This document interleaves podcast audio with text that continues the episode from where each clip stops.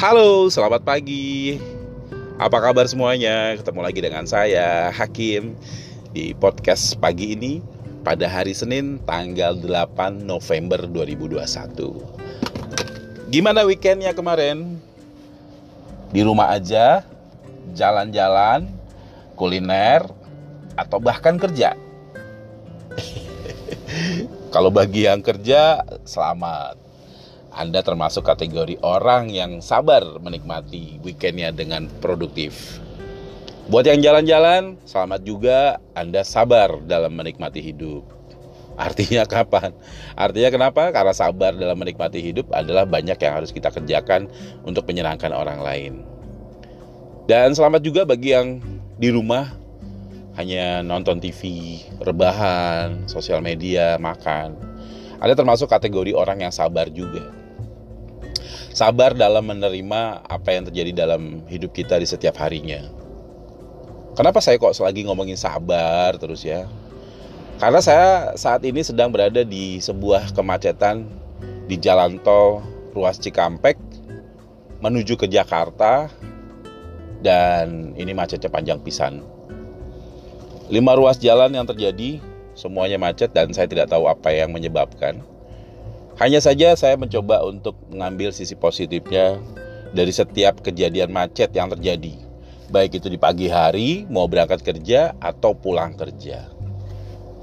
Apa yang bisa kita ambil hikmahnya dari setiap kejadian kalau seperti ini contohnya?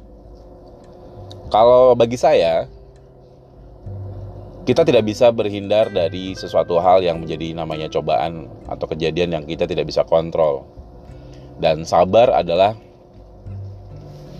satu suku kata yang simple, tapi agak susah untuk menjalaninya. Orang-orang yang sabar adalah orang-orang yang punya kekuatan untuk bisa menerima hidup dengan apa ya, dengan uh, apa adanya. Ya sudahlah, mau gimana lagi gitu kan. Nah, itu adalah orang-orang sabar.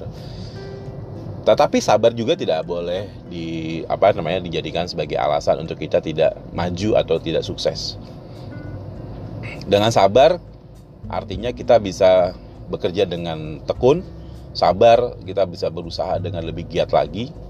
Dengan sabar kita bisa apa namanya eh, belajar menjadi orang yang memahami eh, atau berempati kepada orang lain.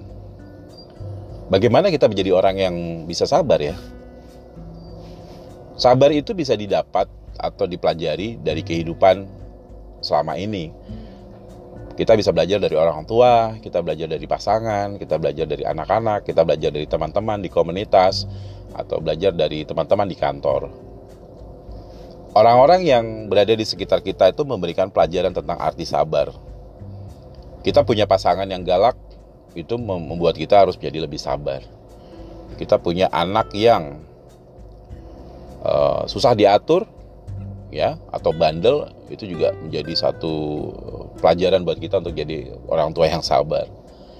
Kita punya atasan yang galak, cerewet, itu juga menjadikan kita menjadi harus menjadi orang yang sabar. Kita punya teman-teman yang apa namanya ya, yang istilahnya uh, memandang remeh kita gitu ya, terus kemudian menganggap menganggap kita seperti orang yang selalu kurang atau bahkan mungkin punya kita punya teman-teman yang merasa lebih pinter, lebih sok uh, kaya atau mungkin bahkan lebih sok kuasa itu juga menjadikan diri kita menjadi orang yang sabar. Sabar aja terus sampai akhirnya kita menemukan sesuatu hal yang uh, sesuatu hal yang hasilnya bisa kita nikmati sendiri ya.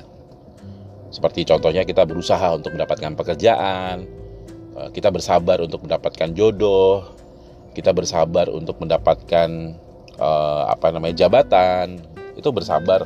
Maka dari itu kita dalam setiap kehidupan selalu diminta untuk ada unsur sabarnya. Maka dari itu teman-teman, saya tidak saya tidak mengajari tentang bagaimana menjadi sabar ya, tapi hanya saya ingin berbagi bahwa uh, kesabaran itu adalah sebuah kemampuan atau keahlian yang tidak ada sertifikasinya, tetapi kesabaran ini bisa membuat Anda menjadi pribadi yang lebih baik, ya, menjadi pribadi yang bisa diterima di masyarakat, menjadi pribadi yang bisa diterima di uh, lingkungan apa pun tetap tetap bersabar ya teman-teman ya sabar menunggu sampai hari Jumat sabar menunggu sampai gajian sabar uh, dalam menyikapi uh, teman-teman kita, pasangan kita, atasan kita, atau bahkan mungkin sabar terhadap setiap kejadian yang menimpa kita, baik itu positif maupun negatif. Dan saya juga pasti bersabar untuk tetap berjalan uh, sedikit demi sedikit di jalan tol ini. Dan semoga teman-teman juga sabar dalam mendengarkan uh, podcast saya di setiap hari atau mungkin setiap minggu pagi atau senin pagi atau bahkan mungkin di setiap hari. Terima kasih sudah mendengarkan podcast ini dan ini hanya sebagai sebuah sharing yang bisa saya sampaikan. Semoga ini bermanfaat. Semoga ini bisa menjadi inspirasi buat teman-teman semuanya. Semoga kita menjadi orang yang lebih baik, jadi orang yang bersabar dan juga menjadi orang yang bermanfaat buat orang lain. Terima kasih semuanya. Sampai ketemu lagi. Have a nice day. Bye bye.